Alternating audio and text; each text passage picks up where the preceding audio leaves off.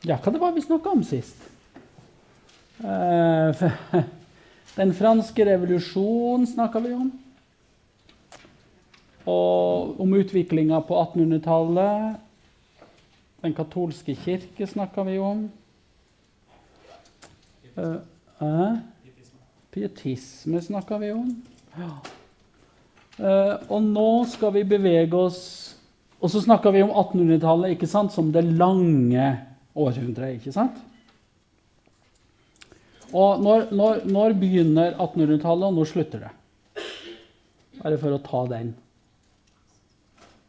Slik at den usikkerheten ikke skal henge i luften. Ja? Det begynner på 1776. Ja hva- er eh, Ja. franske Ja. Og da er det mer 1776, ikke 1776 kanskje, men feil revolusjon. 1789. 89. Sant? Ja.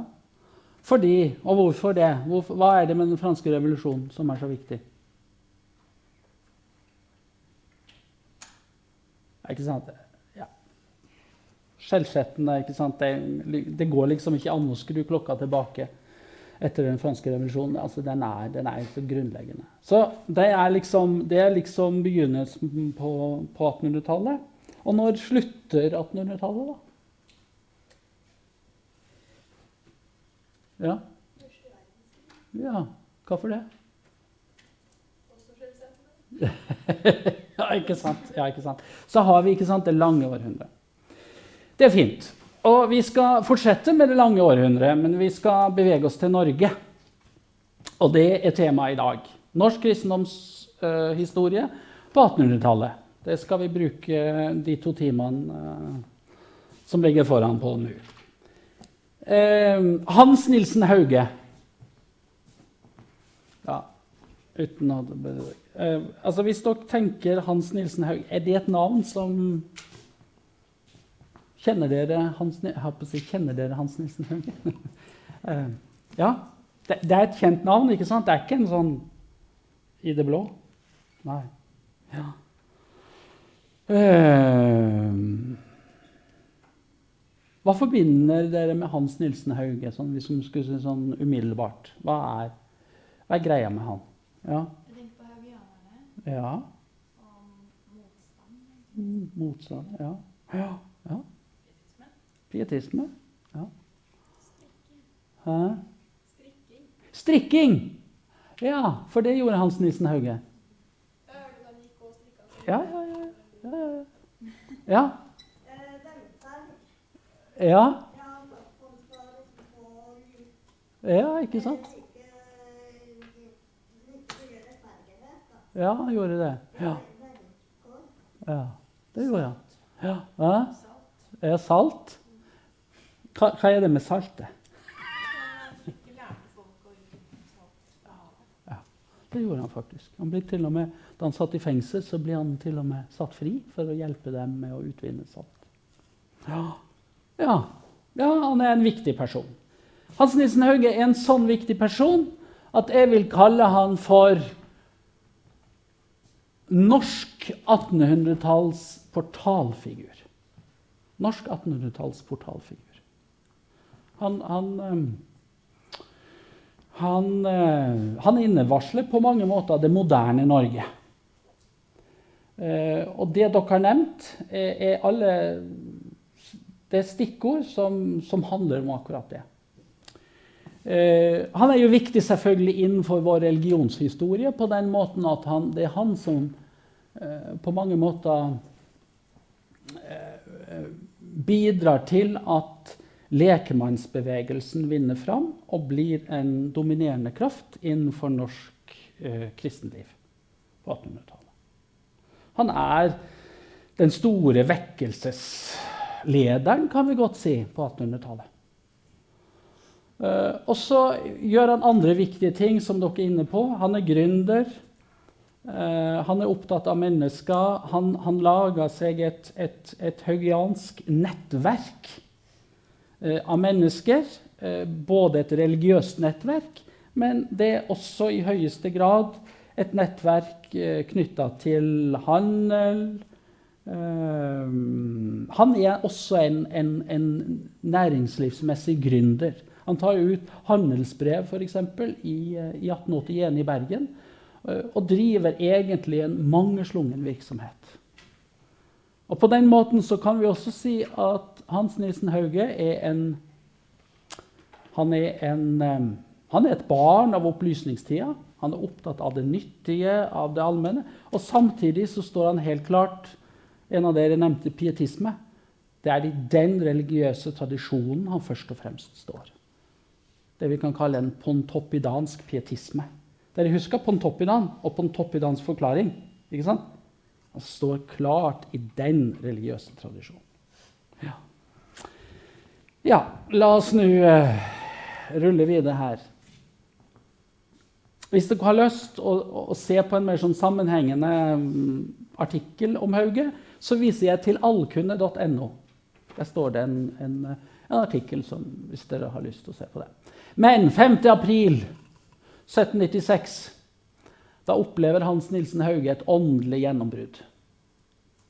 Dere husker at et av de karakteristiske trekkene ved pietismen var dette med omvendelse. At man skulle kunne vise til et religiøst gjennombrudd eller en religiøs omvendelse. Slik omvendelse hadde også Hans Nilsen Hauge. Eh, han var bondesønn. Han eh, var en bondesønn fra Østfold. Tuna i Østfold, ikke så langt fra dagens Fredrikstad. Rollsøy. Sarpsborg, ikke så langt unna. Um, og så, mens han går ut og pløyer på åkeren en vårdag Det var, det var sikkert bedre vær uh, da i april enn vi har hatt det nå i de to, i hvert fall to forrige dagene. Uh, så går han altså og pløyer på åkeren og opplever et åndelig gjennombrudd. Hva slags åndelig gjennombrudd var det Hans Nilsen Hauge ha i den aprildagen i 1796? Jo, han opplevde en stemme som han tolket som Guds stemme, som sa til ham at han skulle forkynne ordet for folk. Det var et oppsiktsvekkende kall å få for Hans Nilsen Hauge. Hvorfor var det oppsiktsvekkende? At han skulle gå ut og forkynne. Ja. Fordi at Ja, det kan du si. Ja. Han kunne liksom ikke gå likt med en gang. Han var bonde. Ja, Hvem var det ellers som forkynte, da? Hæ?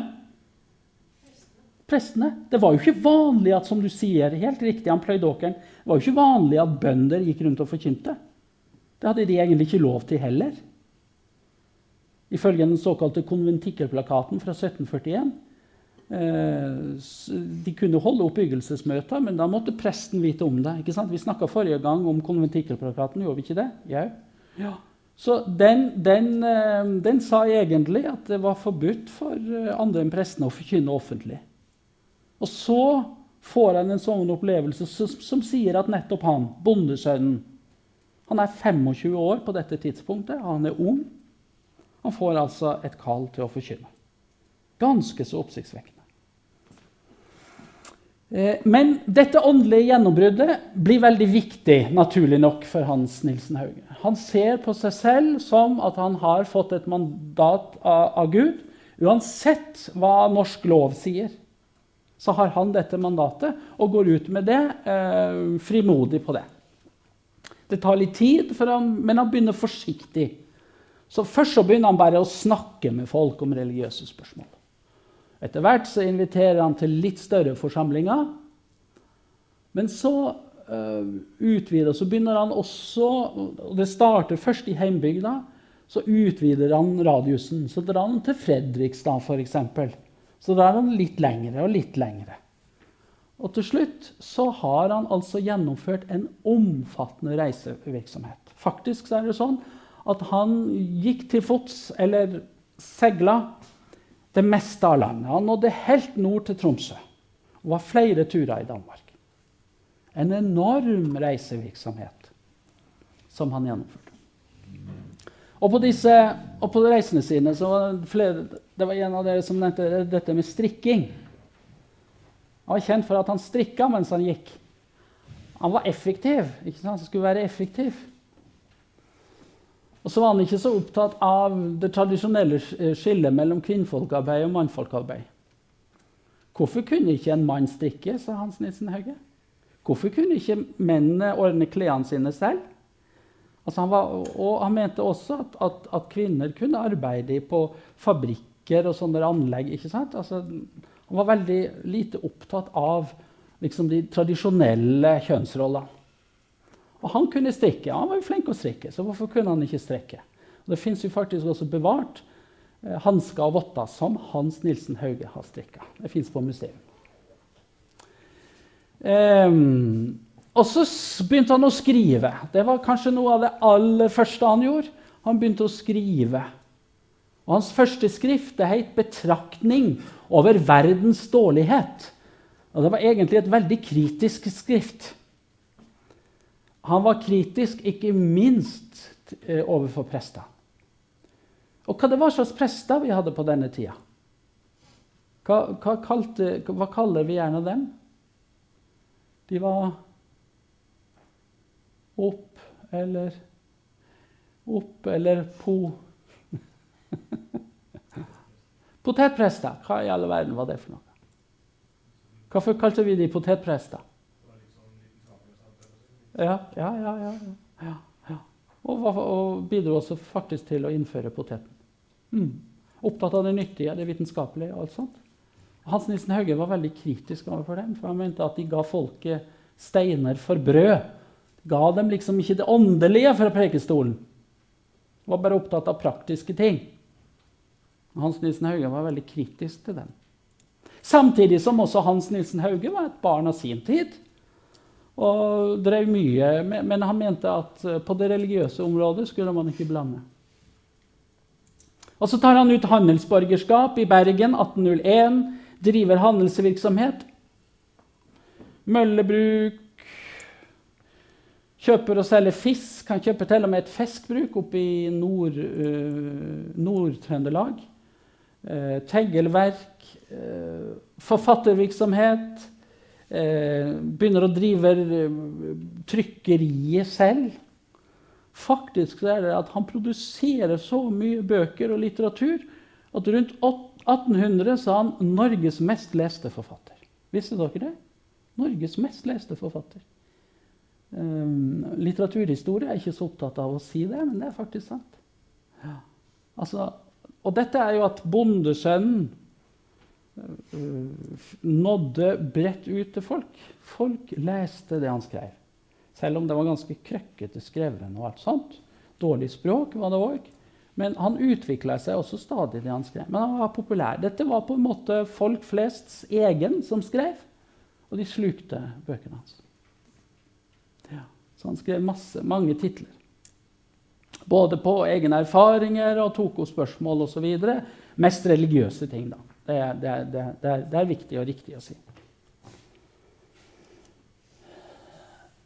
Vi vet ikke helt hvordan Hans Nilsen Hauge så ut. Kanskje så han sånn ut. Kanskje. Uh, og man tror det fordi når man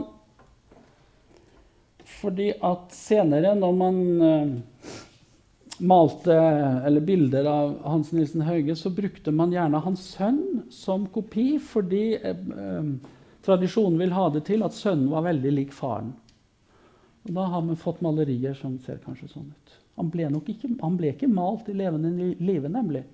Så derfor så vet vi ikke helt hvordan han så ut. Men kanskje sånn sånn ut. Mm. Bondesønnen fra Tune i Østfold.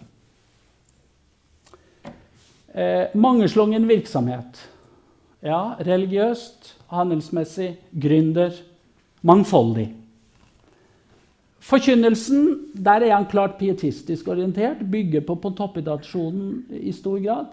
Legger også vekt på den lutherske kallsetikken.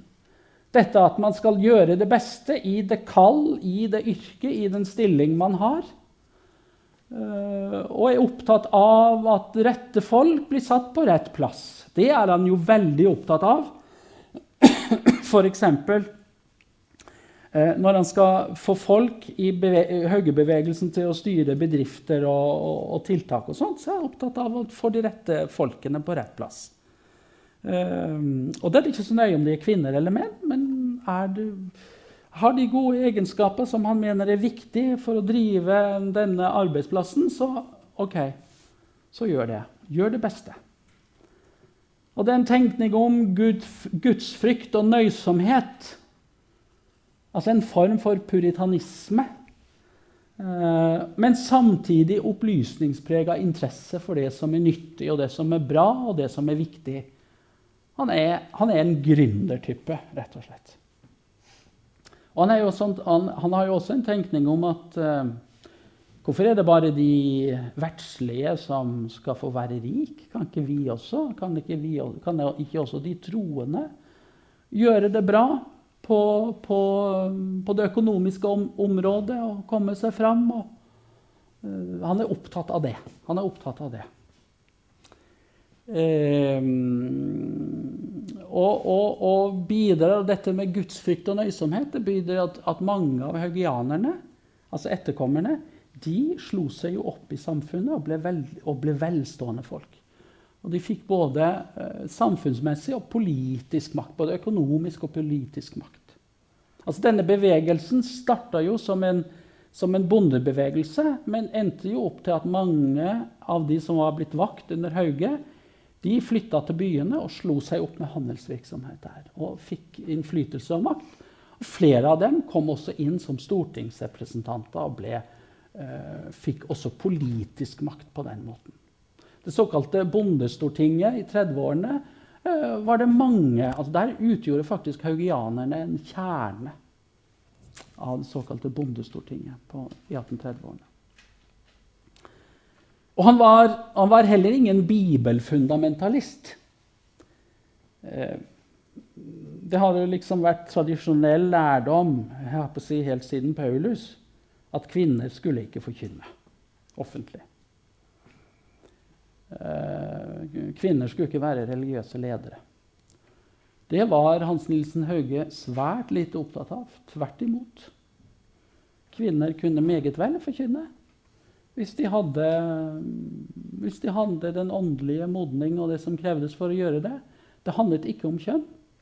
Det handlet om om du hadde den kunnskapen og den modningen og det som skulle til. Og det var likegyldig om du var kvinne eller mann.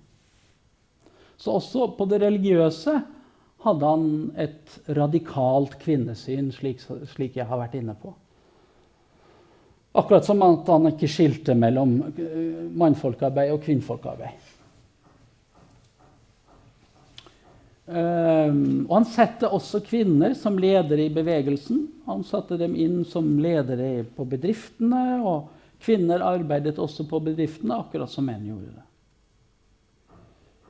Um, men det gikk jo ikke lang tid for myndighetene begynte å lure på denne bevegelsen. Hva var nå dette for noe?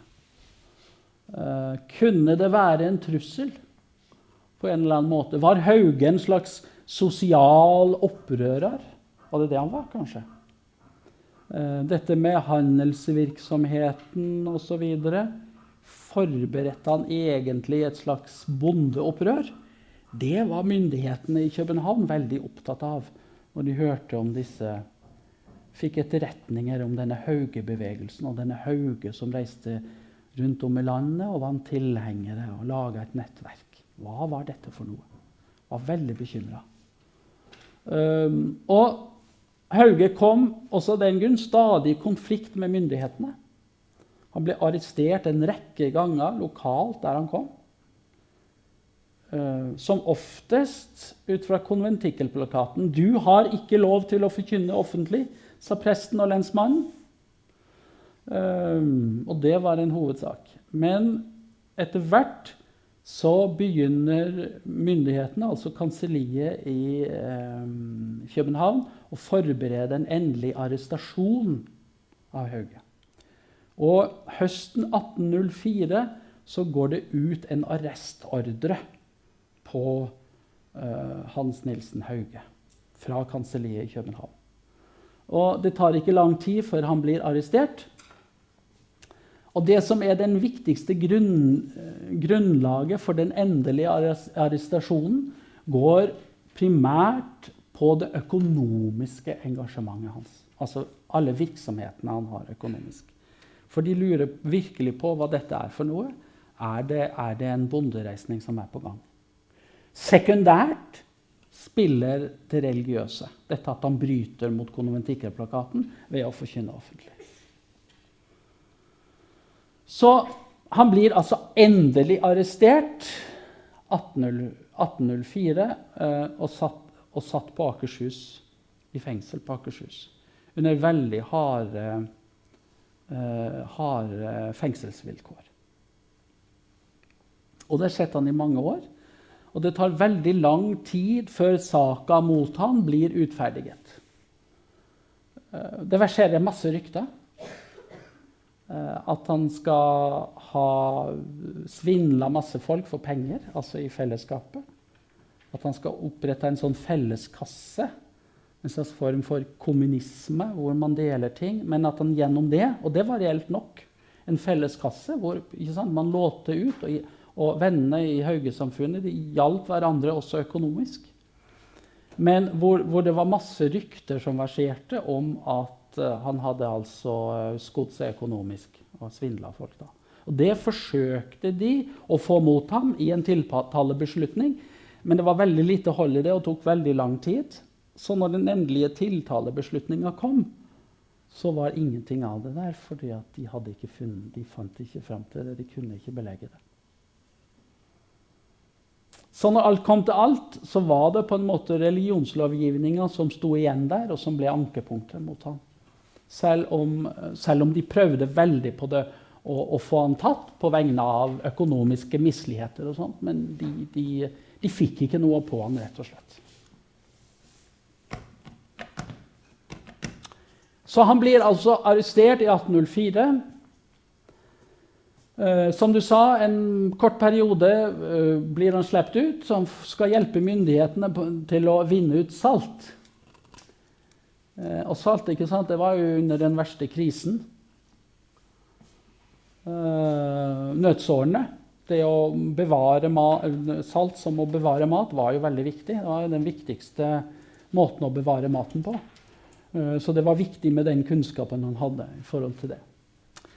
Men blir, blir, festet, blir satt fast igjen. Dommen og rettssaken som jeg var inne på, dro ut.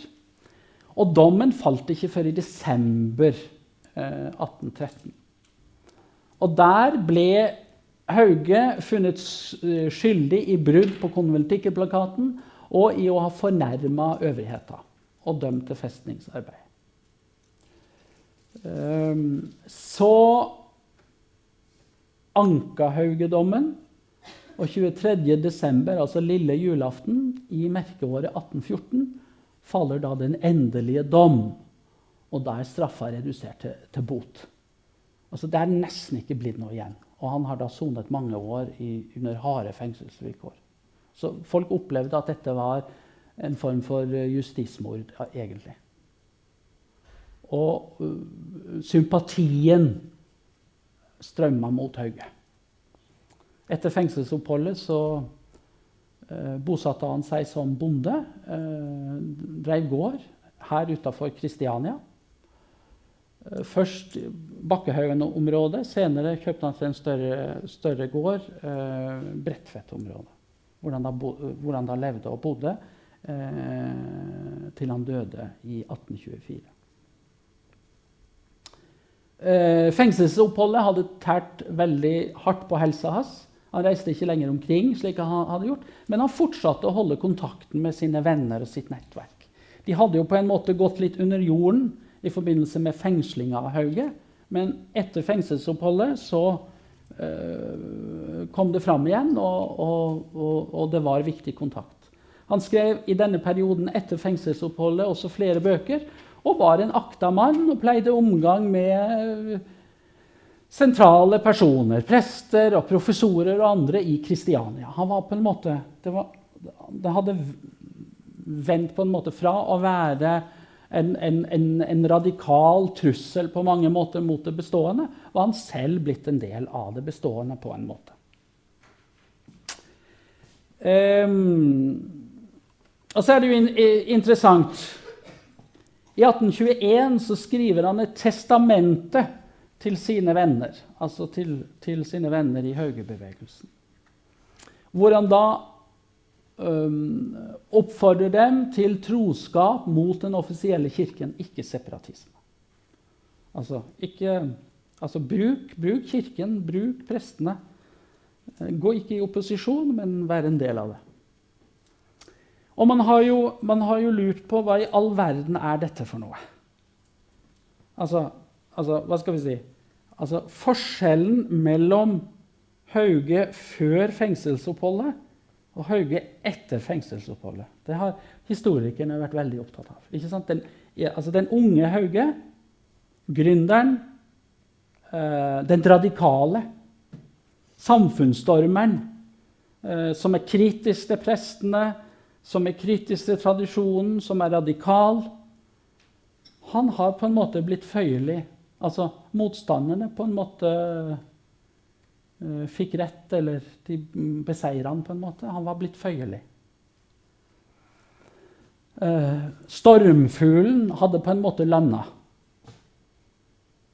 i det etablertes fang. Eh, eller eller er, det, eller er det noe helt annet? Fins ulike teorier på det. Noen legger vekt på det slik jeg fremstilte det nå. Andre legger vekt på at nei Det er ikke sånn at uh, uh, Hans Nilsen Hauge på en måte har gått tilbake på det han sto for tidligere. Men det som har skjedd, det er at han har, han har formet en ny strategi etter fengselsoppholdet. Han har formet en ny strategi. Og denne strategien eh, handler veldig kort sagt om at denne religiøse bevegelsen, Haugebevegelsen, som han har skapt, den skal erobre Kirken innenfra. Det er prosjektet hans, på en måte. Eh, og Derfor blir det så viktig med testamentet til sine venner. Man må være tro, tro mot den offisielle kirke. Man skal ikke stå for en separatisme, men man skal så å si erobre, så å si fylle Kirken innenfra. Det er en strategiendring, men det er ikke Altså, det er ingen slagen mann på en måte som framstår etter 1814. Men det er en person som har endret strategi og går videre. Ja. Er det den som er den mest sånn legitime forklaringen? Jeg vil, jeg, jeg vil si jeg vil vel si at det er den siste som er den mest Den beste. ja. ja. ja. Så det, er et, det, er et, strategiskifte han har gjort. Ikke en, eh, ikke en resignasjon, men et strategiskifte. Nå handler det om erobrerkirken innenfra. Og det skjer jo. Faktisk så er jo det som skjer. Det er jo vekkelsesbevegelsen som mange på, som blir den dominerende, og som, og, som, og som, vinner makten i Kirken, faktisk. Slik at Hauges strategi ender jo opp med å være vellykket, faktisk.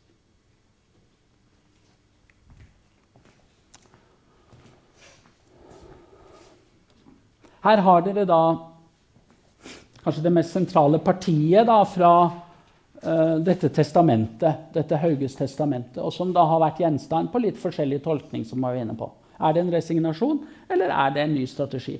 Han sier, for det er min siste vilje at dere heretter som før holder dere helt til vår statsreligion, slik at dere mottar av de offentlige lærere, dvs. Si prestene, alt hva deres offentlige embete medfører. Dere går da i kirken, mottar sakramentene ved ekteskap, lar dem forrette vielsen og ved dødsfall jordpåkastelse og alt annet som hører til god orden. Skikk dere som gode borgere. Og så, og så vinner vi til slutt. Mm. Og de ble jo på mange måter eh, haugianerne samfunnets støtter på mange måter, slik jeg var inne på. Slo seg opp i samfunnet, fikk også politisk makt. Ikke bare økonomisk makt, men også politisk makt.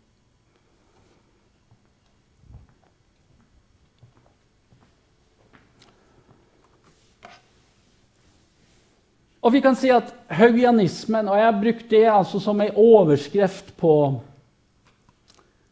på, på dette avsnittet. Altså Haugianismen og vekkelseskristendommen seirer, eller sigrer, som det heter på nynorsk. Haugianismen ble en makt i kirka. Eh, Det skjer en integrasjon av lekmannskristendommen, vekkelseskristendommen, i den offisielle eh, kirka. Dette er ganske tydelig i norsk kontekst, hvor altså lekmannskristendommen, vekkelseskristendommen, pietismen, har stått veldig sterkt faktisk helt fram til våre dager. Slik at denne Kontinuiteten i forhold til pietisme og vekkelseskristendom er veldig viktig. Hauge er viktig eh, som sådan. Eh, og den, den bevegelsen han, eh, han, eh, han, han skapte, blir altså, blir altså toneangivende. Og Derfor er det også så viktig religiøst sett å se at Hauge er portalfiguren på mange måter til 1800-tallet. Nå kan vi si at Kampen mellom Haugebevegelsen og kirka ikke bare er en kamp mellom allmue og embetsstand, men det er også en kamp om kristne væremåter, om, om vekkelsestradisjonen. Den pietistiske tradisjonen med vekt på det individuelle, på vekkelsen, den personlige troa.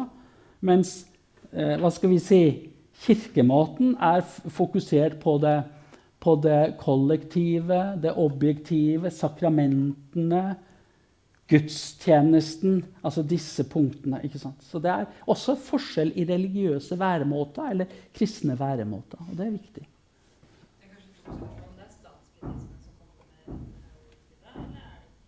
Nei, det er ikke statspiritisme. Når er statspiritismen? Det, det, det, det er den tradisjonen som er særlig knytta til Kristian 6., pietistkongen, eh, og som starter rundt 1730. Eh, ikke sant? Så da med konfirmasjon og sko, allmueskole og alt det. Ja, det er statspietismen. Mens dette her, det er Eh, Det er ikke statspietismen. Det er, altså, det er en mer sånn ja, Det er en videreføring av en mer allmenn pietisme, hvor, hvor lekmannskristendommen er viktig. Er den mer liberal? Nei, det tror jeg ikke man nødvendigvis kan si. om. For det som er interessant, er jo det at Hauge var på mange måter eh, en foregangsmann med ting. Men, men bevegelsen etter han ble mye mer konservativ, egentlig. Så det skjer en mer så utvikler seg i mer konservativ retning, faktisk. Ja. Annet i kvinnesynet. Tillater ikke lenger kvinnelige forkynnere. Ja. Så, så den, altså, når den blir institusjonalisert, så blir den også mer konservativ. Det er ikke uvanlig på sånne bevegelser hvor du har hatt en karismatisk leder. Altså, det er jo velkjent i, i organisasjonsteori, altså eh, karismatisk lederskap. Og så kommer det institusjonalisering, og så stivner det. Eller, ja. Mm. Det skjedde jo også med Jesus, ikke sant? Jesus, og så fikk vi kirken. Ikke sant?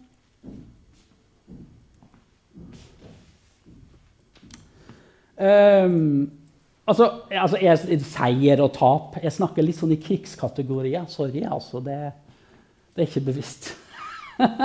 Men altså, kirka på en måte taper i denne kampen, eller sagt annerledes Hauge-bevegelsen og vekkelseskristendommen på uh, sin måte erobrer kirka.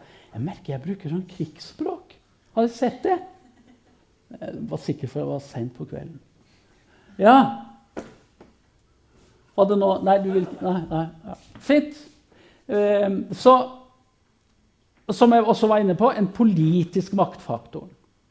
Kjernen i bondeopposisjonen på Stortinget fikk politisk makt, fikk gjøre seg gjeldende. Eh, Bondelederen på Stortinget var Ueland, var haugianer, f.eks. Og det var særlig ei sak de var opp, I tillegg til å spare på statsbudsjettet, så var de, de var nøysomme. ikke sant? De ville spare på statsbudsjettet. Skulle ikke bruke for mye penger.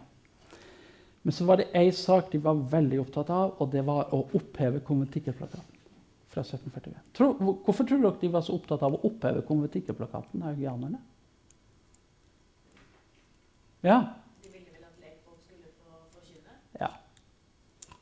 Og så var det viktig Det var jo nettopp den som Hauge hadde blitt dømt på grunnlag av. Bort med det. Ja, bort med det. Så det ble en sånn prestisjesak for dem, kan vi på mange måter si. Så lykkes det i 1848 Unnskyld, 1842 eh, eh, å få opphevet konvertikkeplakaten. som hadde altså blitt innført under statsspiritismen i 1741 for å regulere de oppbyggelige forsamlingene. Den blir det opphevet i stor grad med stemmene til haugianere, men også andre mer liberale tingmenn. For de ville, som du sa, ha frihet i kirka til å samle seg om Guds ord. Men så fikk vi en eh, Tre år seinere ble det vedtatt en lov, den såkalte dissenterloven av 1845. eh, som da ville, ville åpne for eh, frikirker, eller dissentere, eh, til å, å etablere seg og ha eh, muligheter for å utøve sin religion i, i Norge.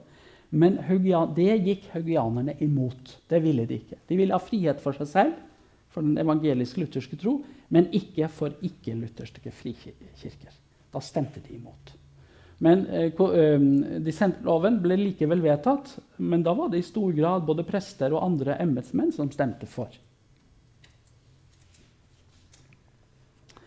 Så det var, det var, et, eh, det var et viktig skille.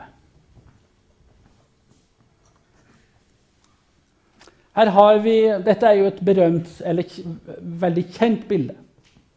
Det heter jo haugianere og er malt av, eh, av, eh, av eh, Tidemann. En av de sentrale eh, nasjonale malerne på 1800-tallet. Og Han bruker jo denne, denne teknik, malerteknikken som man gjerne kaller for kjellerlys. Ser dere? Ikke sant? Rommet ligger i mørket, men så kommer en lyskilde inn ovenfra og, og lyssetter rommet. Altså, eh, Caravaggio for eksempel, er jo kjent for akkurat den måten å male på. Lyssetter Og Her er det jo nærmest som det er eh, Gud eller noe over, lys ovenfra. En slags åpenbaring, på en måte. Lyset faller på eh, taleren, predikanten, som står opphøyd på en stol. Det skal nok helt sikkert forestille Hans Nilsen Hauge. Det tror jeg nok. Står opphøyd på en stol med boken i hånden, ikke sant? Eh, Pietismen, ikke sant? Bibelboken som veldig sentral, står og forkynner. Eh, Det er nærmest som en åpenbaring. ikke sant? Det er nærmest som vi kan forestille oss et lys og en stemme som sier Her har vi Hans Nilsen Hauge, hør ham. Ikke sant? Altså det, er, det skal vise liksom dette opphøyde med, med, med Hans Nilsen Hauge. Og så sitter vanlige bønder rundt omkring. og Det kan være interessant å, å studere en litt sånn stilstudie. Der sitter man og hører forkynnelse, og noen de gremmes over sin synd. Kan vi, kan vi se ansiktsuttrykket. Andre sitter mer ettertenksomt. Andre er helt fortvilet når de hører predikantens ord. Eh, Jeg, syns på mange måter er et veldig sånn talende bilde. På en sånn ja, en sånn eh, forkynnelse i en sånn bondestue. Ikke sant? Det gjorde han jo når han reiste rundt. Kom han til nye steder og samla folk og forkynte. Om dagen kanskje hjalp han til på gården, og så om kvelden så hadde han samling.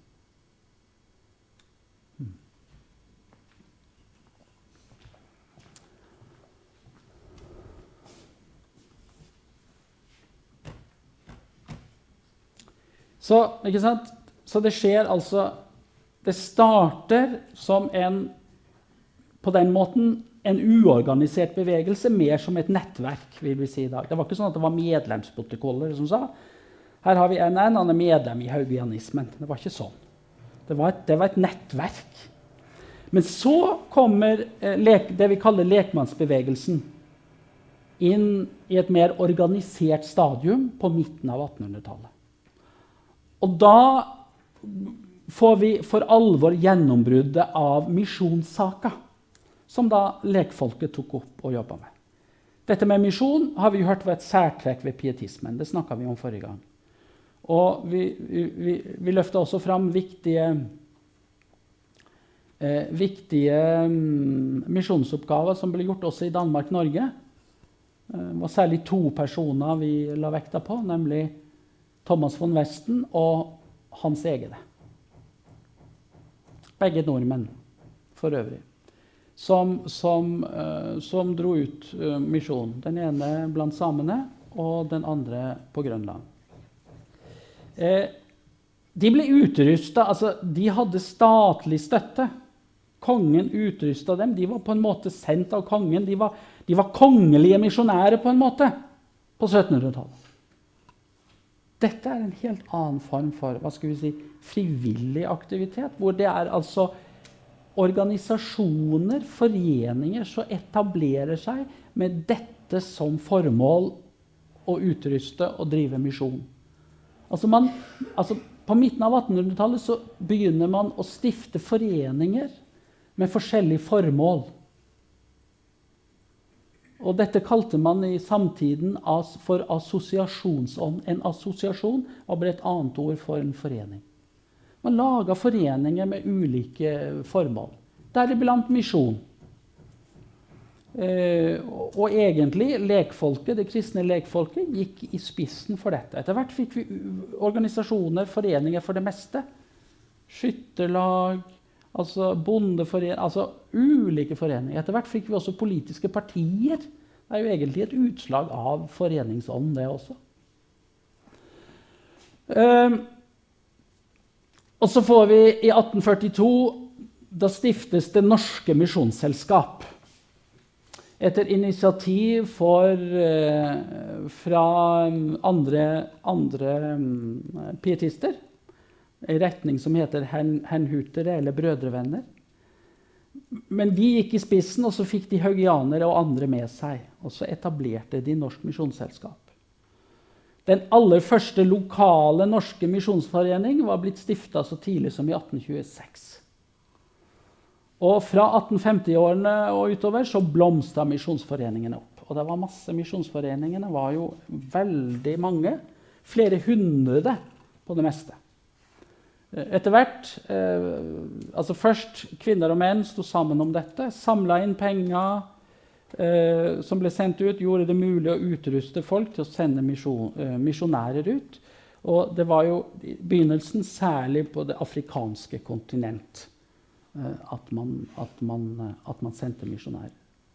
Etter hvert så ble kvinnene mer og mer, og det var vi inne på sist også altså, Dette med at kvinnene på mange måter ut, kommer til å utgjøre basen si, i det frivillige arbeidet. Og Det ser vi tydelig med misjonsforeningene. Mange steder så var misjonsforeningene rene kvinneforeninger.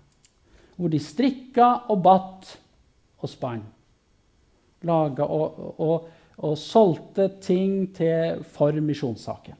Hadde basarer og, og, ikke sant? En frivillig aktivitet. Som, som, på en måte utgjorde hva skal vi si, den økonomiske ryggraden i hele misjonssaka på 1800-tallet. Mm.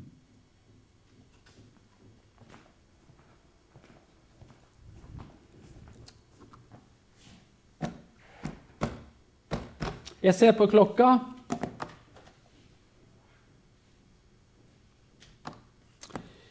Er dere motivert for en pause før jeg begynner på noe nytt? Ja, da gjør vi det. Det var liksom Ja. Da gjør vi det, og så går vi litt videre på grundtvigianisme og en annen bevegelse som kommer til å være ganske motsatt, egentlig, og bli en motsetning til pietismen. Det var også en del av bildet på 1800-tallet. Mm. Mer om dette etter pausen.